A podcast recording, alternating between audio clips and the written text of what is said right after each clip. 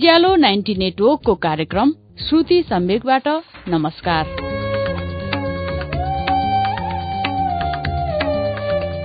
उज्यालो ninety network काठमाडौँसँगै देशभरिका अठारवटा FM radio स्टेशनहरूबाट हरेक मंगलबार र शुक्रबार राति सवा नौ बजे कार्यक्रम श्रुति सम्वेक प्रसारण हुन्छ। कार्यक्रम श्रुति सम्वेकमा हामी वरिष्ठ साहित्यकारहरूका उत्कृष्ट गद्यहरू वाचन गर्दछौ। श्रुति सम्वेकको शुक्रबारको श्रृंखलामा एउटा अनुवादित उपन्यास प्रसारण गरिरहेका छौं। पाओलो कोहेल्लोको उपन्यास द अल्केमिस्टको नेपालीमा अनुदित संस्करण किमियागर हामीले सुन्दै आएको उपन्यास हो। यो उपन्यास विश्वभरि चौवन्न भन्दा बढ़ी भाषामा अनुवाद भइसकेको छ। विश्वभरि एक सय एकचालिस देशहरूमा यो उपन्यास बिक्री भएको प्रकाशकले जनाएको छ। पाओलो कोहेल्लोको द अल्केमिस्ट उपन्यासले मानिसलाई आफ्नो सपना इच्छा र लक्ष्य पूरा गर्न प्रेरणा दिनुको साथै आफ्नो मनको कुरा सुन्न पनि सिकाउँछ। एउटा भेडा गोठालोले खजानाको खोजीमा गरेको यात्रा वर्णन नै उपन्यासको मूल कथावस्तु हो। आज द अल्केमिस्ट अर्थात किमियागरको पाँचौं श्रृंखलाको वाचन पृष्ठ एक सय एकबाट सुनौ अच्युत घिमिरेको आवाजमा।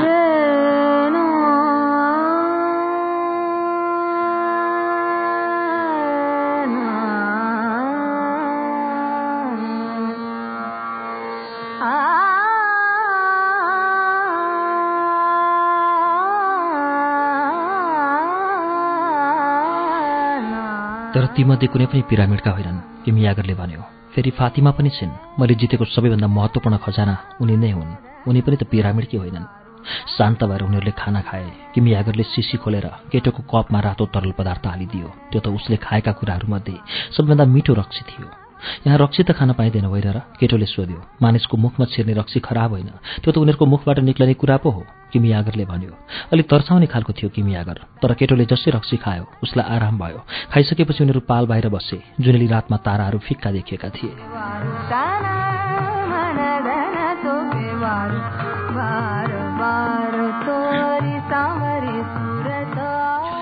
खाऊ अनि मजा ल्याऊ केटोको खुसी देखेर किमियागरले भन्यो तिमी लडाईँको लागि तयार भए जस्तै आज राति राम्ररी आराम गर तिम्रो हृदय जहाँ छ त्यहाँ तिमीले आफ्नो खजाना पाउनेछौ भनी सम्झ। तिमीले पाउने खजाना पाउनु छ त्यसैले तिमीले जानेका सबै चिजले तिमीलाई बाटोमा अर्थ दिनेछन्। ऊँट बेच भोलि अनि घोडा किन? ऊँटमा धैर्यता त धेरै हुन्छ। तिनीहरू हजारौं पाइला टेक्दा पनि थाकेका देखिन्नन्। पछि गएर एक्कासी तिनीहरू घोडा टेक्छन् अनि मर्छन्। तर घोडाहरू अलिअलि गरेर कोसिस गर्छन्। घोडाबाट अति आशा राख्नुपर्छ। उनीहरू कहिले कस्तो बेला मर्ने हुन् भन्ने थाहा भएकै कुरा हो।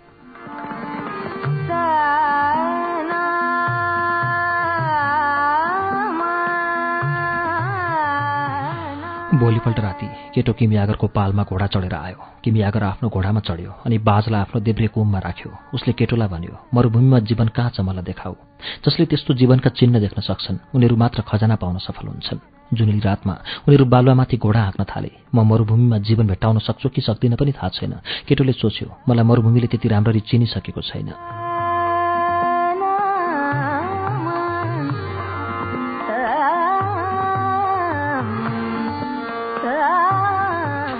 ऊ किमियागरलाई त्यसो भन्न चाहन्थ्यो तर त्यो मानिसदेखि ऊ डराउँथ्यो केटोले आकाशमा बाजहरू देखेको ढुङ्गे ठाउँमा उनीहरू पुगे। त्यसबेला त्यहाँ केवल सुनसान र हावा मात्र थियो। मलाई मरुभूमिमा कसरी जीवन भेट्टाउने थाहा छैन। केटोले भन्यो मलाई यहाँ जीवन छ भन्ने त थाहा छ तर कतातिर खोज्ने हो भने थाहा छैन। जीवनले जीवनप्रति आकर्षित पार्छ किमियागरले भन्यो। त्यसपछि केटोले बुझ्यो केटोले घोडाले घोडाको लगाम अलिक खुकुरो पारिदियो। उसको घोडा ती ढुङ्गा र बालुवाहरूमा अघि दौडिरहेको थियो। लगभग आधा घण्टासम्म किमियागरले केटोको घोडाको पछि पछि आइरह्यो। कतै पनि त्यहाँ उनीहरूले खजुरका रुखहरू देख्दैनथे। त्यहाँ त केवल उनीहरूमाथि ठूलो चन्द्रमा देखिन्थ्यो र चाँदी जस्ता ढुङ्गा र बालुवाहरू चन्द्रमाको उज्यालोमा टल्किरहेका थिए। अक्का झक्का कुनै कारण बिना नै केटोको घोडाले आफ्नो तेज बिस्तारै कम गर्न थाल्यो।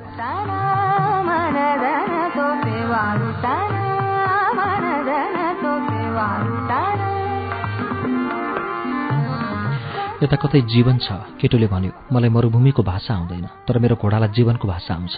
घोडाबाट उनीहरू ओर्लिए र किमियागरले पनि केही पनि बोलेन। बिस्तारै ढुङ्गाहरू बीच केही खोज्दै ऊ अगाडि बढ्यो। किमियागर एक ठाउँमा रोकिएर भुइँतिर निहुरियो। ती ढुङ्गाहरू बीच त्यहाँ एउटा दुलो थियो। किमियागरले त्यो दुलोभित्र हात छिरायो र पुरै पाखुरा पनि भित्रैसम्म हाल्यो त्यहाँ केही चलिरहेको थियो र किमियागरको आँखामा केटोले त्यसको सामान्य उसको प्रयास चल्किएको थियो। उसका हात त्यहाँ दुलाभित्र भएको वस्तुसँग झगडा गरिरहेको जस्तो देखिन्थ्यो। केटोलाई अचम्म पार्ने गरी जोडले उसले हात बाहिर निकाल्यो। उसको हातमा सर्पको पुच्छर थियो।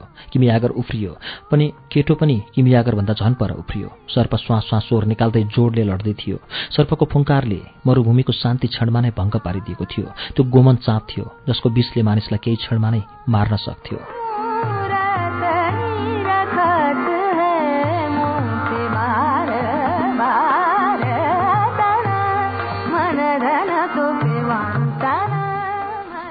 त्यसको विषलाई याद गर्नुहोस्। केटोले भन्यो किमियागरले दुलोमा हात हालेपछि र सर्पले टोकिसके पनि ऊ शान्त थियो। त्यो किमियागर दुई सय वर्ष पुगेको कुरा अङ्ग्रेजले उसलाई भनेको थियो। उसलाई मरुभूमिका सर्पहरूसित कसरी व्यवहार गर्नुपर्छ भन्ने ज्ञान थियो। उसको सहयात्री घोडा नजिक गएर तरबार झिकेको केटोले देख्यो। त्यसको टुप्पोले बालुवामा उसले गोलाकार बनायो र सर्पलाई त्यहीँभित्र राखिदियो। सर्प त्यतिकैमा शान्त भयो। नआत्तियो किमियागरले भन्यो। त्यसले गोलाकार छोड्दैन। तिमीले मरुभूमिमा जीवन भेट्टाइदियो। जुन मलाई चाहिएको लक्षण थियो किन यो त्यतिको महत्त्वपूर्ण थियो? किनकि पिरामिडहरू मरुभूमिले घेरिएका छन्। केटो पिरामिड सम्बन्धी कुरा गर्न चाहँदैनथ्यो। पिरामिडको सम्झनाले उसको मुटु गरुङ्गो हुन्थ्यो। हिजो रातिदेखि नै ऊ उदास थियो। उसको खजनाको खोजी जारी राख्नु भनेको फातिमाबाट टाढा हुनु थियो।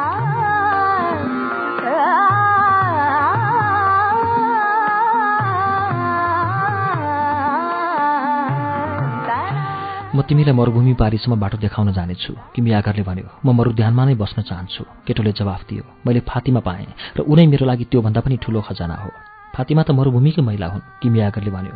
उसलाई मानिसहरू फर्कनलाई जानुपर्छ भन्ने थाहा छ र उनले आफ्नो खजाना पाइसकिन् जुन तिमी हौ। अब उनी तिमीले जे खोजेको हो त्यो चिज तिमीले भेट्टाऊ भन्ने आशा राख्छिन्। अँ मैले यतै बस्ने निर्णय गरेँ भने केटाले भन्यो मलाई भन्न देऊ के हुन्छ भनेर। तिमी मरुध्यानको सल्लाहकार नै भन्नेछौ तिमीसँग प्रशस्त भेडा र उँटहरू किन्ने सुन रहेछ।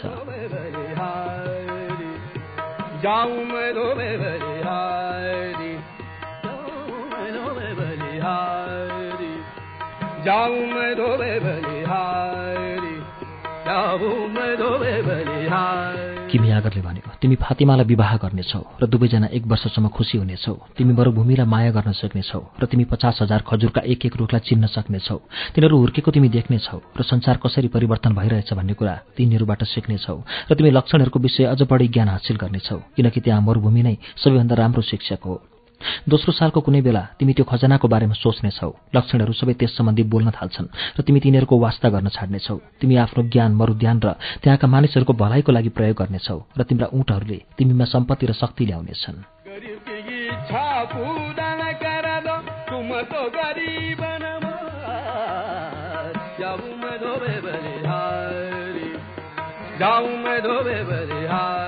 तेस्रो सालमा पनि ती लक्षणहरूले खजाना र तिम्रो लक्षण सम्बन्धी बोल्ने निरन्तरता दिनेछन्।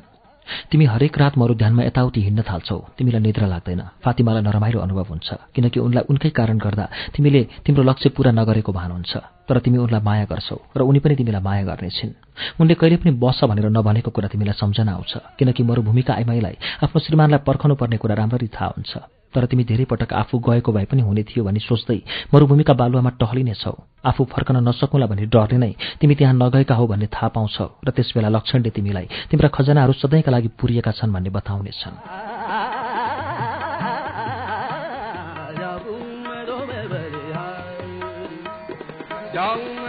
त्यसपछि चौथो सालको कुनै बेला लक्षणले तिम्रा साथ छोड्नेछन् किनकि तिमीले उनीहरूलाई सुन्न छाडिसकेका हुनेछौ। जनजातिका सरदारले त्यो थाहा भएपछि तिमीलाई आफ्नो पदबाट हटाउनेछन् तर त्यति बेला तिमी धनाढ्य व्यक्ति हुनेछौ।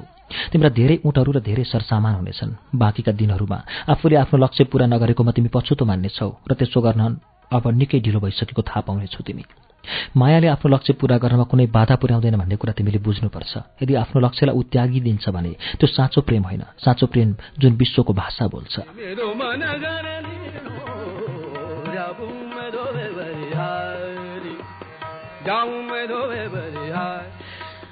किमियागरले बालुवाको गोलाकार मेटाइदियो र ढुङ्गाहरूको बीचमा सर्प गयो। केटोले सधैँ मक्का जान चाहने स्पट्टीको साउलाई सम्झियो। उसले त्यो अङ्ग्रेजलाई पनि सम्झियो जो सिधै किमियागरलाई भेट्ने आशामा थियो। मरुभूमिमा विश्वास गर्ने महिलालाई सम्झ्यो। उसले अनि मरुभूमिलाई हेऱ्यो। जसले उसलाई फातिमासँग भेट गराइदिएको थियो। दुवैजना घोडा चढे। यसपालि केटो किमियागरको पछि पछि लाग्दै दुवैजना मरुध्यान आइपुगे। आबाले मरुध्यानको स्वर ल्यायो अनि केटोले फातिमाको आवाज सुन्ने कोसिस गर्यो। अनि त्यस रात जसरी उसले गोमनलाई गोलाकारभित्र देख्यो उसले प्रेम र खजनाको बारेमा मरुभूमिका आइमाईका विषयमा र उसको लक्ष्यको बारेमा किमियागरसँग गफ गर्यो। उसले किमियागर सँगसँगै जाने निर्णय गर्यो। त्यसपछि लगत्तै उसलाई मनमा शान्तिको अनुभूति भयो। भोलिपल्ट सूर्य उदाउनुभन्दा पहिले नै हामी हिँड्नेछौँ किमियागरले भन्यो।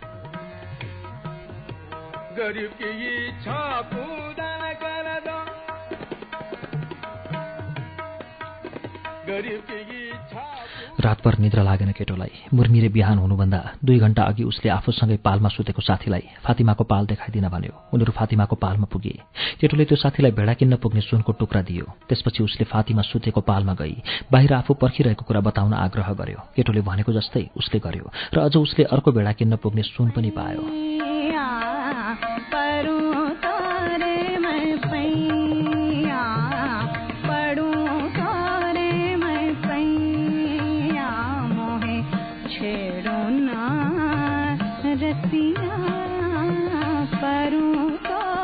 अब हामीलाई एक्लै छोडिदेऊ केटोले त्यो अरबी साथीलाई भन्यो त्यो अरबीले आफूले मरुध्यानको सल्लाहकारलाई सहयोग गर्न पाएकोमा र केही भेडाहरू किन्न सक्ने भएकोमा मख पर्यो।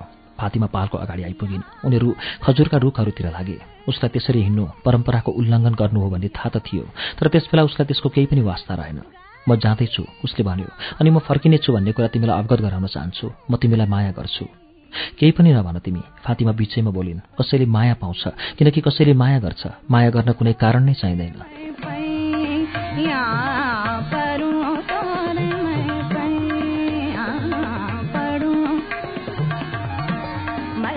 मेरो सपना थियो र मैले राजालाई भेटेँ। मैले स्फटिक बेचेर यतिको मरुभूमि पार गरेँ। जनजातिको युद्धको कारणले गर्दा म किमियागरलाई खोज्न इनारतिर गएँ जहाँ मैले तिमीलाई पाएँ। त्यसैले म तिमीलाई माया गर्छु किनकि मलाई सारा ब्रह्माण्डले तिमीसँग भेट गराउन सहयोग गरेको छ अङ्कमाल गरे उनीहरूले। यो नै उनीहरूको पहिलो स्पर्श थियो। म फर्कनेछु केटोले भन्यो। पहिले पहिले म सधैँ मरुभूमिलाई इच्छाले हेर्ने गर्थेँ फातिमाले भनिन्। अब त्यो इच्छा आशामा बदलिने भयो। एक दिन मेरो बुबा जानुभयो तर उहाँ मेरी आमाको लागि फर्कनु भयो अरू केही बोलेनन् उनीहरूले। उनीहरू खजुरका रुखहरू बीच अलि परसम्म पुगे अनि त्यसपछि केटोले उनलाई उनको पालसम्म पुर्याइदियो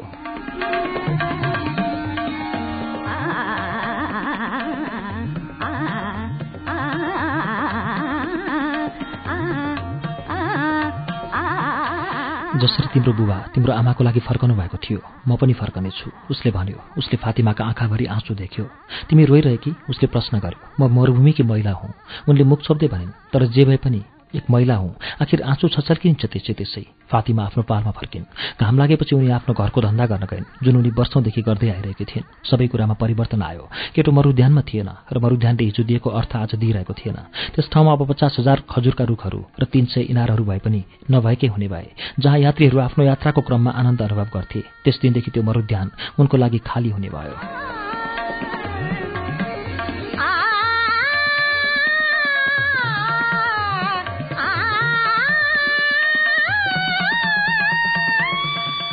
त्यस दिनदेखि महत्त्वपूर्ण थियो मरुभूमि। उनी प्रत्येक दिन त्यसलाई हेर्थिन्। केटो आफ्नो खजनाको खोजीमा कुन तारा पछ्याउँदैछ होला भनी उनी अन्दाज लगाउँथिन्। हावाले केटोको अनुहारमा स्पर्श गर्ने आशमा उनी हावामा चुम्बन पठाउँथिन् अनि त्यो कुराले केटोलाई आफू जीवित रहेको बताउनेछ भनी सोच्थिन्। उनी खजनाको खोजीमा हिँडेको एक साहसी मानिसलाई पर्खिरहेको कुरा बताउन चाहन्थिन्। त्यस दिनपछि मरुभूमिले उनलाई केवल उसको फर्किने आशा मात्र सम्झाउँथ्यो। तिमीले पछाडि छाडेर आएको बारेमा नसोच किमियागरले केटोलाई मरुभूमिका बालुवाहरूमा घोडा दौडाउँदै भन्यो सबै कुरा विश्वको आत्मामा लेखिसकेको हुन्छ र त्यो सधैँ त्यही हुन्छ। मानिसहरू घर छोड्नुभन्दा पनि ज्यादा घर फर्कने कल्पना गर्छन्। केटोले भन्यो मरुभूमिको सुनसानमा उसलाई पहिले नै बानी परिसकेको थियो। यदि कसैले शुद्ध वस्तु पायो भने त्यो कहिल्यै बिग्रिँदैन र ऊ जहिले पनि फर्कन सक्छ। यदि तिमीले पाएको वस्तु ताराको विस्फोट जस्तो केवल एक क्षणको उज्यालो हो भने तिमी फर्कदा केही पनि पाउने छैनौ।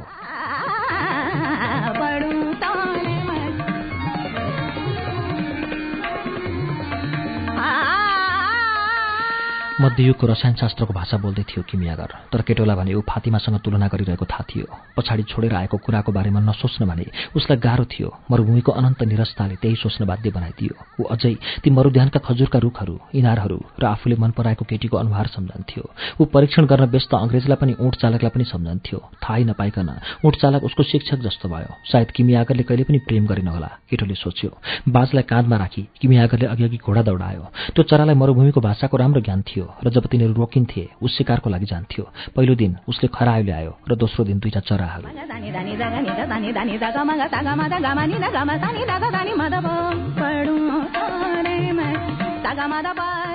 राति उनीहरू आफ्ना सुत्ने ओछ्यान ओछ्याउँथे र अरूले नदेख्ने गरी आगो बाल्दथे मरुभूमिमा राति चिसो हुन्थ्यो र चन्द्रमाको आकार घट्दै जाँदा अन्धकार पनि पल पल बढ्दै जान्थ्यो। एक हप्ता जति उनीहरू जनजातिका युद्धहरूबाट कसरी बचेर हिँड्ने भन्ने कुरा गर्दा गर्दै बिताए निरन्तरता थियो युद्धको र समय समयमा हावाले आलो रगतको बासना पनि ल्याउँथ्यो। वरपरे पनि लडाईँ भइरहेको हुन्थ्यो र उसको आँखाले ठम्ब्याउन नसकेको चिज हावाले सम्झाउँथ्यो। हावाले उसलाई लक्षणको भाषा पनि सम्झाइदियो।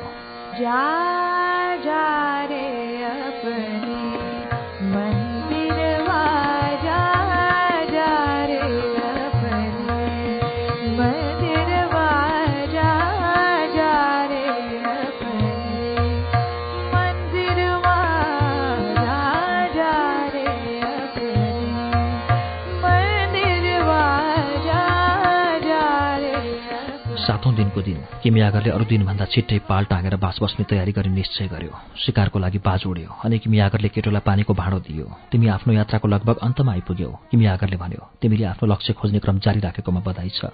तपाईँले मलाई बाटोमा केही पनि भन्नु भएन केटोले भन्यो। मैले त तपाईँले केही सिकाउनुहुन्छ कि भन्ने सोचेको थिएँ। केही समय पहिले म मध्ययुगका रसायनशास्त्रका पुस्तक भएको व्यक्तिसँग यात्रा गर्दै थिएँ तर ती पुस्तकहरूबाट मैले केही पनि सिकिनँ। केवल एक तरिका छ जान्ने। किमी जवाफ दियो त्यो क्रियाविधि हो। तिमीले जान्नुपर्ने कुरा तिमीले आफ्नो यात्रामा सिकिसक्यौ। अब तिमीले केवल एउटा कुरा मात्र जान्नु बाँकी छ। त्यो के हो भनी थाहा पाउन केटोलाई मन लाग्यो। तर किमी भने आफ्नो बाजलाई क्षितिजमा खोज्दै थियो।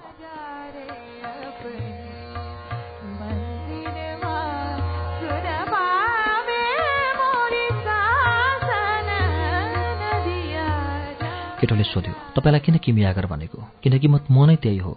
अरू किमियागरहरूले सुन बनाउन खोज्दा नसक्नुको कारण के थियो? उसले फेरि सोध्यो। तिनीहरू केवल सुन मात्र खोजिरहेका थिए। वास्तवमा तिनीहरू आफ्नो लक्ष्य पूरा नगरी केवल लक्ष्यको खजाना मात्र खोजिरहेका थिए। फेरि केटोले सोध्यो मैले अझै थाहा पाउनुपर्ने कुरा के हो त? तर किमियागरले लगातार क्षितिजमा हेरिरह्यो। अन्त्यमा उनीहरूको खाना लिएर बाज आइपुग्यो। खाल्डो खनेर उनीहरूले आगो बाले अरूले टाढाबाट नदेखुन् भनेर उनीहरूले त्यसो गरेका थिए। खाना तयार गर्दै उसले भन्यो बस म किमियागर मात्रै हुँ किनकि म किमियागर हुँ खाना तयार गर्दै भनेको थियो उसले। यसको ज्ञान मैले मेरो हजुरबुबाबाट सिकेँ र उहाँले उहाँको बुबाबाट र यस्तै गरी यो संसारको उत्पत्तिको समयदेखि नै एक पुस्ताबाट अर्को पुस्तामा हस्तान्तरण हुँदै आएको पाइन्छ। त्यस्ताका उत्कृष्ट कृति एउटा पन्नामा सजिलै लेख्न सकिन्नथ्यो तर मानिसहरू ससाना कुराहरू दार्शनिक शिक्षा र सपनाका अर्थबोधलाई अस्वीकार गर्न थाले। उनीहरूलाई अरूको भन्दा आफूले नै राम्रो तरिकाले जानेको अनुभव हुन थाल्यो। त्यसैले त पन्नाको टुक्रा अझै जीवित छ।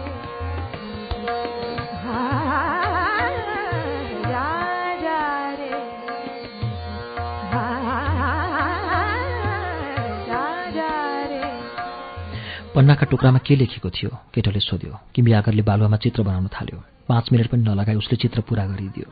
उसले बनाउँदै गरेको हेरिरहँदा केटोलाई बुढो राजाको सम्झना आयो। उसलाई त्यो राजालाई चोकमा भेटेको दिन त वर्षौं वर्षौं अघि भए जस्तो भान पर्यो। पन्नाको टुक्रामा लेखेको कुरा यही हो। कि मियागरले लेखिसकेपछि भन्यो बालुवामा लेखेको कुरा केटोले पढ्ने कोसिस गर्यो। यो त साङ्केतिक भाषाको गुप्त लेखाइ जस्तो छ। केटोले अलिक निराश हुँदै भन्यो यो त मैले अङ्ग्रेजको पुस्तकमा देखेको लिपि जस्तै छ। अह होइन किमियागरले जवाफ दियो। यो त ती दुई बाजहरूको उडान जस्तो हो। यसै कारणले गर्दा मात्र बुझ्न सकिँदैन। पन्नाको टुक्रा त विश्वको आत्माको मूल बाटो हो। यो प्राकृतिक संसार स्वर्गको केवल प्रतिबिम्ब र नक्कल हो भने बुद्धिमान मानिसहरूले बुझेका छन्। यो संसारको अस्तित्व भनेको अर्को एउटा निपुण संसार पनि छ भन्ने प्रत्याभूति दिनु मात्र हो। यहाँ देखिने वस्तुबाट मानिसले ईश्वरको आध्यात्मिक विचारहरू र उनका विवेकका चमत्कारहरू बुझ्न सकुन् भनेर नै यस संसारको उनले सृष्टि गरेका हुन्। मैले क्रियाविधि भनेको पनि यही हो। के म पन्नाको टुक्रामा लेखेको लेख बुझ्न सक्छु? केटोले सोध्यो। सायद तिमी मध्ययुगी रसायनशास्त्रको प्रयोगशालामा भएको भए यो पन्नाको टुक्रामा लेखेको कुरा बुझ्ने राम्रो समय हुने थियो तर तिमी अहिले मरूभूमिमा छौ। त्यसैले यसैमा तल्लीन हौ। मरूभूमिले तिमीलाई संसार बुझाउने वास्तवमा संसारको जुनै भागले पनि त्यसो गर्न सक्छ। तिमीले मरूभूमिलाई बुझ्न पनि पर्दैन। तिमी बस एउटा बालुवाको कणलाई हेरेर सृष्टिको चमत्कार देख्नेछौ। म कसरी मरूभूमिमा तल्लीन हुन सक्छु? केटोले फेरि सोध्यो। मनले भनेको सुन। यसलाई सबै थाहा हुन्छ किनकि यो विश्व आत्माबाट आउँछ र एक दिन त्यतितिर फर्किनेछ।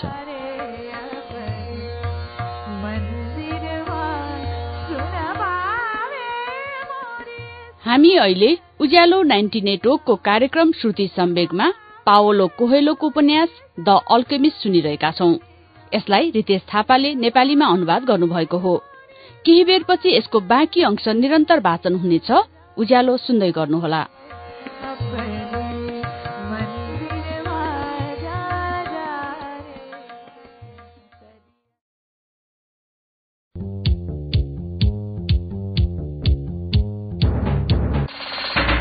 कार्यक्रम श्रुति सम्वेक तपाईँ अहिले उज्यालो नाइन्टी नेटवर्क काठमाडौँसँगै इलाम एफएम झापाको एफएम मेची ट्युन्स र बिर्ता एफएम बर्दिवासको रेडियो दर्पण दोलखाको Kalinchowk FM वीरगंजको Narayani FM Hetauda FM radio चितवनमा पनि सुनिरहनु भएको छ। त्यसै गरी फलेवासको रेडियो पर्वत गुल्मीको रेडियो रेसुङ्गा पोखराको रेडियो तरंगमा पनि श्रुति सम्वेक सुन्दै हुनुहुन्छ। अनि रेडियो प्युठान दाङको रेडियो मध्यपश्चिम कपिलवस्तुको रेडियो बुद्ध आवाज भेरीको रेडियो कोहलपुर सल्यानको रेडियो राप्ती सुर्खेतको रेडियो भेरी र जुम्लाको रेडियो कर्णालीबाट पनि अहिले एकैसाथ श्रुति सम्वेक प्रसारण भइरहेको छ। श्रुति सम्वेकको आजको श्रृंखलामा हामी पाओलो कोहेलोको द अल्केमिस्ट उपन्यास सुनिरहेका छौं। अब यसको बाँकी अंश सुनौ।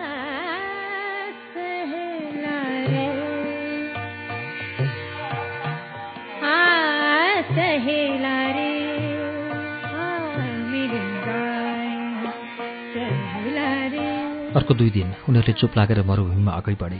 धेरै सावधान थियो किमियागर किनकि उनीहरू एकदमै डरलाग्दो लडाईँ भएको ठाउँ नजिक आइपुग्दै थिए। उनीहरू जसरी जाँदै थिए केटो भने आफ्नो मनको भनाइ सुन्ने कोसिस गर्दै थियो। सुरु सुरुमा त्यो सजिलो पनि थिएन। उसको मन सधैँ आफ्नै कथा भन्न तन तयार हुन्थ्यो तर पछि गएर त्यस्तो भएन। कुनै यस्तो समय पनि थियो जब उसको मनले घन्टौँ घण्टासम्म आफ्नै व्यथा सुनाउँथ्यो र अरू बेला त्यो मरूभूमिको सूर्योदयप्रति भावुक भई केटोले आँसु लुकाउनु पर्थ्यो।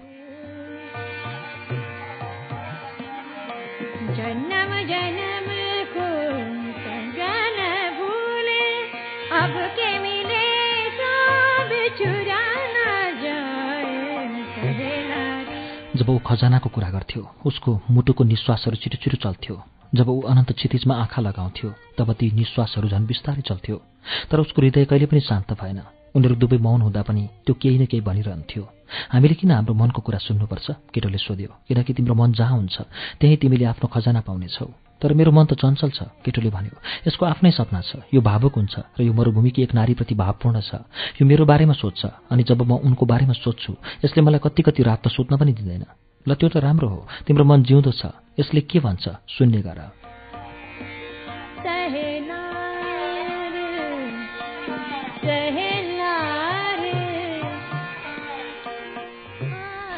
तीन दिनसम्म उनीहरू धेरै संख्यामा हात हतियार लिएका जनजातिहरू भएका ठाउँ पार गरे र कतिजनालाई त क्षितिजमा देखे।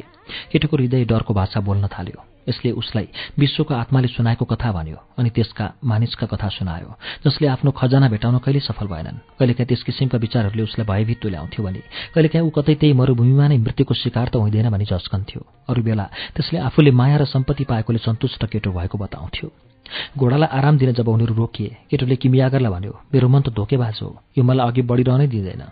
यसले के अर्थ बुझाउँछ? किमियागरले जवाफ दियो तिमीले आफ्नो लक्ष्यको खोजी गर्ने क्रममा आफूले कहिलेसम्म जितेको कतै सबै हराउने त छैनौ भन्ने कुरा यो स्वाभाविक रूपले डर मान्छ। त्यसो भए मैले किन मेरो मनले भनेको सुन्ने त? किनकि तिमी यसलाई कहिले पनि शान्त पार्न सक्दैनौ। तिमीले यसले भनेको नसुने जे गरे पनि त्यो तिमीभित्रै हुन्छ। तिमीले जीवन र संसारको बारेमा जे सोध्छौ त्यही यसले दोहोऱ्याउँदै गरेको पाउनेछौ।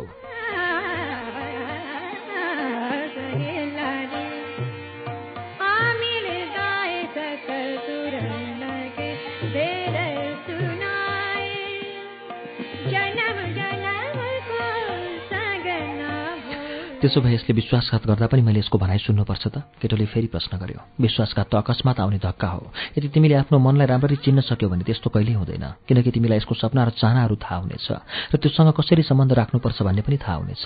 तिमी कहिले पनि आफ्नो मनबाट भाग्न सक्दैनौ। त्यसैले त्यसले जे भन्छ त्यो सुन्नुमा नै बेस हुन्छ। त्यस्तै प्रकारले जाने हो भने तिमीलाई कहिले पनि अकस्मात आउने धक्कामा डर लाग्दैन। उनीहरू मरूभूमि पार गर्दै जाँदा केटोलाई आफ्नो मनको भनाइ सुन्न मन लाग्यो। त्यसले चाल बुझ्यो उसले र त्यो जस्तो छ त्यसैलाई स्वीकार गर्यो। उसको डर हरायो र मरुध्यानमा फर्कनुपर्ने आवश्यकता बिर्सियो किनकि एक मध्यान्न उसको मन निकै खुसी भएको कुरा व्यक्त गर्यो। कहिलेकाहीँ गुनासो गरे पनि उसको मनले भन्यो म मानिसको मन भएकोले नै त्यसो गरेको हुँ र सबै मानिसका मन त्यस्तै प्रकारका हुन्छन्।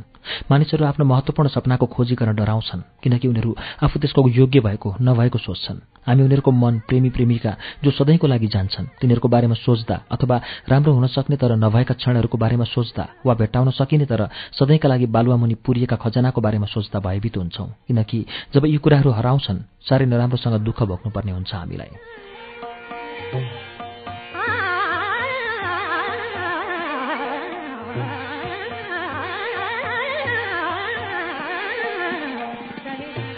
दुःख भोग्नुपर्छ भनेर मेरो मन डराउँछ। एक रात केटोले किमियागरलाई भन्यो त्यो रात चन्द्रमा पनि थिएन र उनीहरू दुवै आकाशमा हेर्दै थिए। आफ्नो मनलाई दुःख हुन्छ भने डर त दुःखभन्दा पनि नराम्रो हो। भने तिमी भनिदेऊ आफ्नो सपनाको खोजीमा हिँडेको कुनै मनले पनि दुःख भोग्नु परेको छैन। किनकि खोजीको प्रत्येक क्षण ईश्वर र अनन्तकालसँगको सम्पर्कको क्षण हो। खोजीको प्रत्येक क्षण ईश्वरसँगको सम्पर्कको क्षण हो। केटोले आफ्नो मनलाई सम्झायो। जब म साँच्चै आफ्नो खजनाको खोजीमा हुन्छु प्रत्येक दिन सुबोध हुन्छु किनकि प्रत्येक घण्टा मेरो सपनाको अंश हो भन्ने मलाई थाहा छ। ममा त्यतिको आँट नभएको भए जुन कुरा एक भेडा गठोलालाई प्राप्त गर्न असम्भव देखिने थियो त्यो मैले यस प्रकार पत्ता लगाउन सक्ने थिइनँ।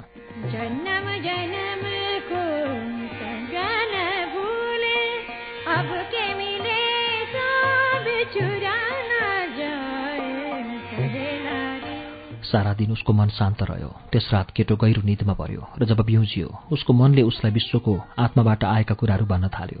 सबै मानिसहरू जो खुसी छन् उनीहरूमा ईश्वरको बास भएको कुरा सुनायो। किमी आगरले भने जस्तै मरूभूमिको बालुवाको कणमा पनि आनन्द पाउन सकिने कुरा पनि सुनायो किनकि बालुवाको कण सृजनाको क्षण हो र ब्रह्माण्डले यसको सृष्टि गर्न लाखौं लाख वर्ष लगाएको थियो।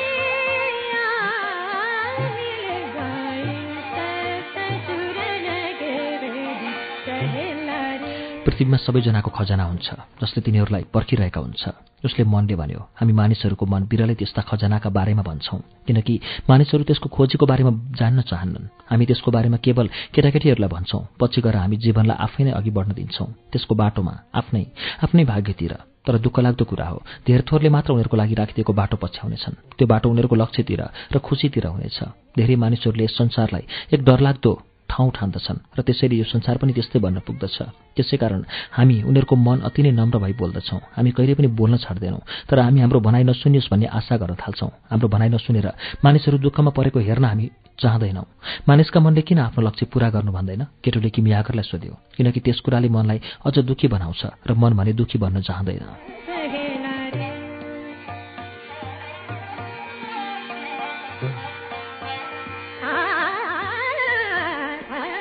त्यसपछि केटोले आफ्नो मनलाई बुझ्न थाल्यो। उसले त्यसलाई कहिले पनि बोल्न बन्द नगर भनी आग्रह गर्यो। जब ऊ आफ्नो लक्ष्यबाट अन्तै पाइला बढाउँछ तब उसको मनले उसलाई सङ्केत गराउनु भनी सम्झायो। त्यस्ता प्रत्येक सङ्केतप्रति ध्यान दिने उसले बाचा बाँध्यो। त्यस रात किमियागरलाई उसले यी सबै कुरा सुनायो। केटोको मन विश्वको आत्मामा फर्किसकेको कुरा उसलाई बोध भयो। त्यसो भए अब मैले के गर्नुपर्ने छ त? केटोले सोध्यो। पिरामिडतर्फको यात्रा जारी राख। किमियागरले सुझाव दियो र लक्षणको अर्थतिर ध्यान देऊ। तिम्रो मन तिमीलाई खजनातिर लैजान अझै सक्षम छ। मैले अझै जान्नुपर्ने एउटा कुरा के त्यही हो? अह होइन। किमियागरले जवाफ दियो। तिमीले अझै जान्नुपर्ने कुरा त यो हो। आफ्नो लक्ष्य प्राप्त गर्नुभन्दा पहिले विश्वको आत्माले लक्ष्यको बाटोमा हिँड्दा जानेको कुराहरूको जाँच गर्छ। यो दुष्ट भएकोले त्यसो गरेको होइन। तर त्यसो गर्नाले हामीले लक्ष्य प्राप्त गर्नुका साथसाथै हामीले सिकेका कुराहरूमा निपुणता पनि हासिल गर्नेछौँ। यसै बेलामा धेरैजसो व्यक्तिले हार मान्दछन्। मरूभूमिको भाषामा हामीले भने जस्तै जब कोही खजुरका रुखहरू क्षितिजमा देख्दछ तब ऊ तिर्खाले मर्छ। यो त्यस्तै हो। हरेक खोज सुरुवातकर्ताको भाग्यबाट सुरु हुन्छ र खोजीको अन्त्य विजयीको कठिन परीक्षामा हुन्छ। आफ्नो देशको पुरानो भनाइ केटोले सम्झियो। भनिन्छ रातको सबैभन्दा अन्धकार पल नै मिरमिरीभन्दा एकछिन अघि आउँछ।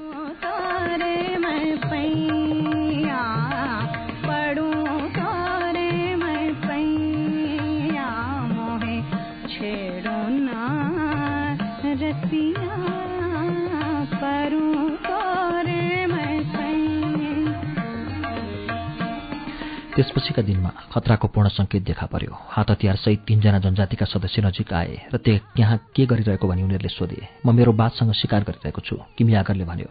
तिमीहरूसँग हात हतियार छन् कि भनेर हामीले जाँच्नुपर्ने हुन्छ एकजनाले भन्यो। किमियागर बिस्तारै घोडाबाट ओर्लियो। केटोले पनि त्यसै गर्यो। तिमीले किन यतिको पैसा बोकेको? केटोको झोलामा खोज तलास गर्दै उसले सोध्यो। मलाई पिरामिडसम्म जानु छ। उसले जवाफ दियो।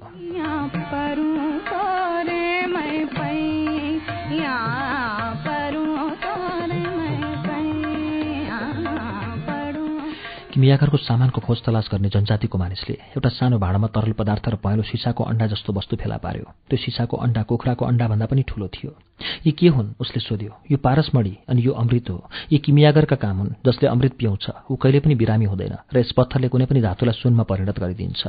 ती अरबहरूले उसको कुरामा खिल्ली उडाए। उसको जवाफ उनीहरूलाई अचम्मको लाग्यो अनि केटो तथा किमियागर दुवैलाई आफ्नो सामानसहित उनीहरूले जान दिए।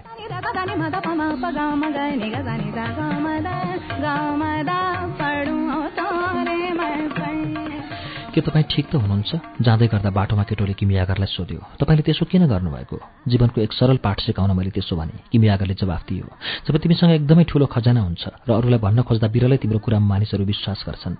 मरुभूमि पार गर्ने क्रम उनीहरूले जारी नै राखे। बित्दै गएका हरेक दिनहरूको साथसाथै केटोको मन शान्त हुँदै गयो। त्यसलाई भूत र भविष्य कुनै कुराको बारेमा पनि जान्ने इच्छा लागेन। मरुभूमिको अवलोकनमा नै ऊ सन्तुष्ट थियो। त्यो केटो र उसको मन साथी भइसकेको थियो र एकअर्कालाई धोका दिन नसक्ने भएका थिए। उसको मन जब केही बोल्दथ्यो उसले केटोलाई प्रोत्साहित गर्दै उसलाई शक्ति प्रदान गर्दथ्यो किनकि मरुभूमिका सुनसान दिनहरू पट्यार लाग्दा हुन्थे। उसको मनले केटोसँग भएका गुणहरूको बारेमा भन्दथ्यो। आफ्ना भेडाहरू त्यागेर केटोले आफ्नो लक्ष्य पूरा गर्ने अठोट गरे जस्तो साहसी काम र स्पटिक पसलमा काम गर्दाखेरिको उत्सुकता नै उसका असल गुणहरू थिए।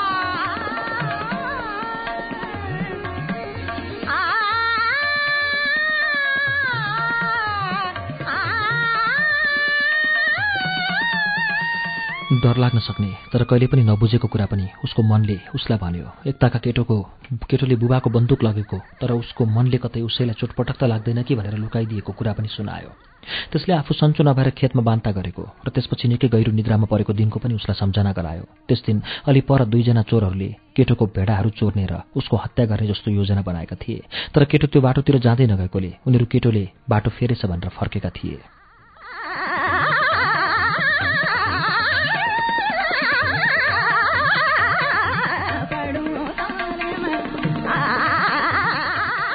मानिसको मनले के सधैँ उसलाई मद्दत गर्छ? केटोले किमियागरलाई सोध्यो। धेरैजसो आफ्नो लक्ष्य बुझ्न कोसिस गर्नेलाई त्यसो हुन्छ तर केटाकेटी जड्याएर बुढापाकालाई पनि मनले मद्दत गर्छ। त्यसो भन्नाले के म कहिले पनि डरलाग्दा ठाउँमा पर्दिनँ? त्यसो भन्नाले के केवल तिम्रो मनले जे सक्छ त्यही गर्ने हो? किमियागरले भन्यो। एक दिन मध्याह पकाउनेहरू एकजना जनजातिको शिविर पार गरे। शिविरका प्रत्येक कुनामा सेतो लुगामा हात हतियार लिएका अरबहरू तैनाथ थिए। ती मानिसहरू हुक्का तान्दै र युद्ध मैदानको समाचार आदान प्रदान गर्दै थिए। ती दुईजना यात्रीमाथि कसैले पनि ध्यान दिएनन्।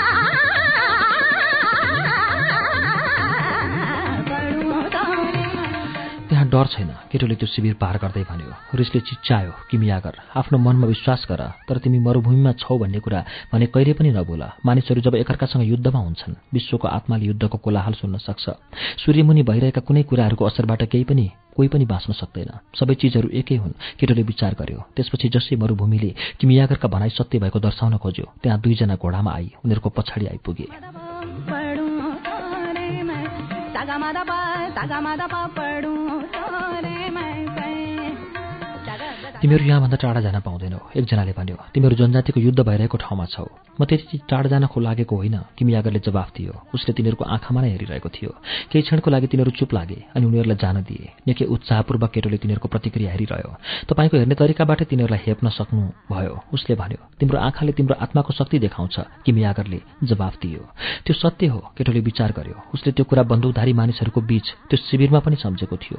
त्यहाँ एकजनाले उनीहरूलाई निकै घुरेर हेरेको थियो। ऊ टाढा भएकोले उसको अनुहार त त्यति प्रष्टसँग देखिँदैन थियो तर उसले तिनीहरूलाई हेरिरहेको कुरामा केटो विश्वस्त थियो। आखिरमा जब तिनीहरूले क्षितिजमा फैलिएको पहाडी श्रृङ्खला पार गरे किमियागरले उनीहरू अब पिरामिडबाट दुई दिनले मात्र टाढा रहेको कुरा भने।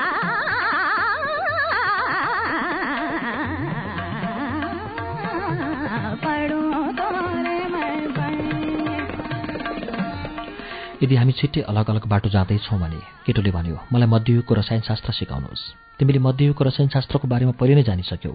यो विश्वको आत्मामा पस्ने र आफ्नो लागि राखिएका खजाना पत्ता लगाउने सम्बन्धी कुरा त हो नि। होइन मैले त्यो भनेको होइन। मैले त सिसालाई सुनमा परिणत गर्ने कुरा पो गरेको त। मरुभूमि जस्तै शान्त भयो किमियागर र उनीहरूले खाना खाइसकेपछि मात्र उसले जवाफ दियो केटोलाई।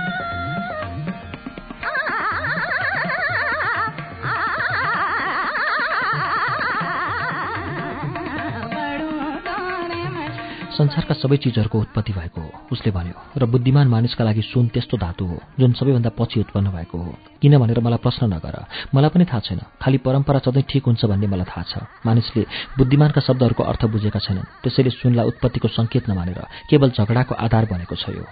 चिजबिजहरूले बोल्ने धेरै भाषाहरू छन्। केटोले भन्यो समय त्यस्तो पनि थियो जब उँट कराएको मलाई अरू केही नभएर केवल कराउनु मात्र लाग्दथ्यो त्यसपछि त्यो खतराको सङ्केत बन्यो र आखिरमा आएर अहिले फेरि केवल कराउनु मात्र भयो।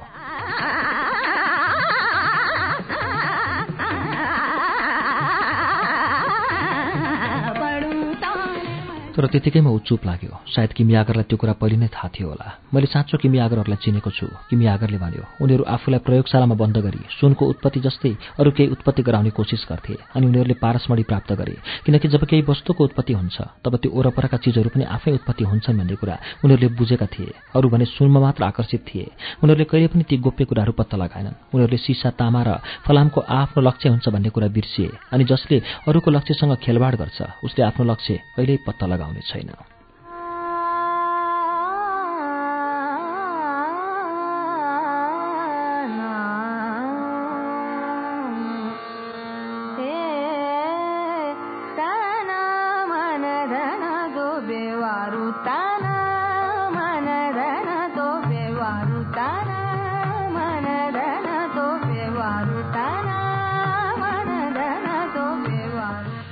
किमियागरका शब्दहरू शराब जस्तै गर्जियो। न्युरिएर किमियागरले जमिनको सङ्किकिराको हात टिपियो। कुनै बेला यो मरूभूमि समुद्र थियो उसले भन्यो मैले ख्याल गरेको छु केटोले जवाफ दियो। किमियागरले त्यो हाडलाई केटोको कान नजिकै लान आग्रह गर्यो। सानो बालक छँदा उसले धेरै पटक त्यसो गरी समुद्रको आवाज सुनेको थियो। यो हाडमा समुद्र बसेको थियो किनकि त्यसको लक्ष्य नै त्यही थियो। र यसले त्यस किसिमको आवाज दिन कहिले छोड्ने छैन। जहिलेसम्म यो मरूभूमि फेरि पानीले ढाकिने छैन घोडा चढेर उनीहरू पिरामिडतिर लागे।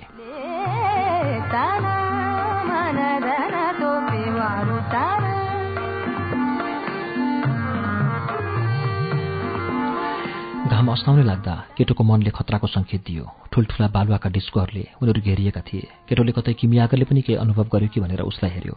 तर उसलाई खतराको कुनै पनि ज्ञान नभएको देखिन्थ्यो। पाँच मिनटपछि घोडामा चढेका दुईजना मानिसहरू अगाडि उनीहरूलाई पर्खिरहेको केटोले देख्यो। उसले किमियागरलाई केही भन्नुभन्दा अघि नै त्यहाँ दुईजनाको ठाउँमा दसजना भइसकेको थियो र त्यसपछि सयौं।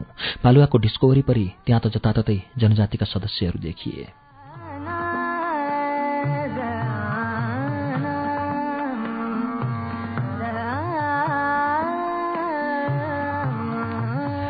उनीहरू निलो वस्त्रमा थिए र कालो गोलाकारको वस्तु उनीहरूको पगरीलाई थिचेर राखिएको थियो। उनीहरूको अनुहार निलो पातलो कपडाले छोपिएको थियो र आँखा मात्र देखिन्थ्यो। टाढैबाट पनि उनीहरूको आँखाले उनीहरूको आत्मबल दर्शाउँथ्यो। उनीहरूको आँखाले मृत्युको आवाज दिलाउँथ्यो।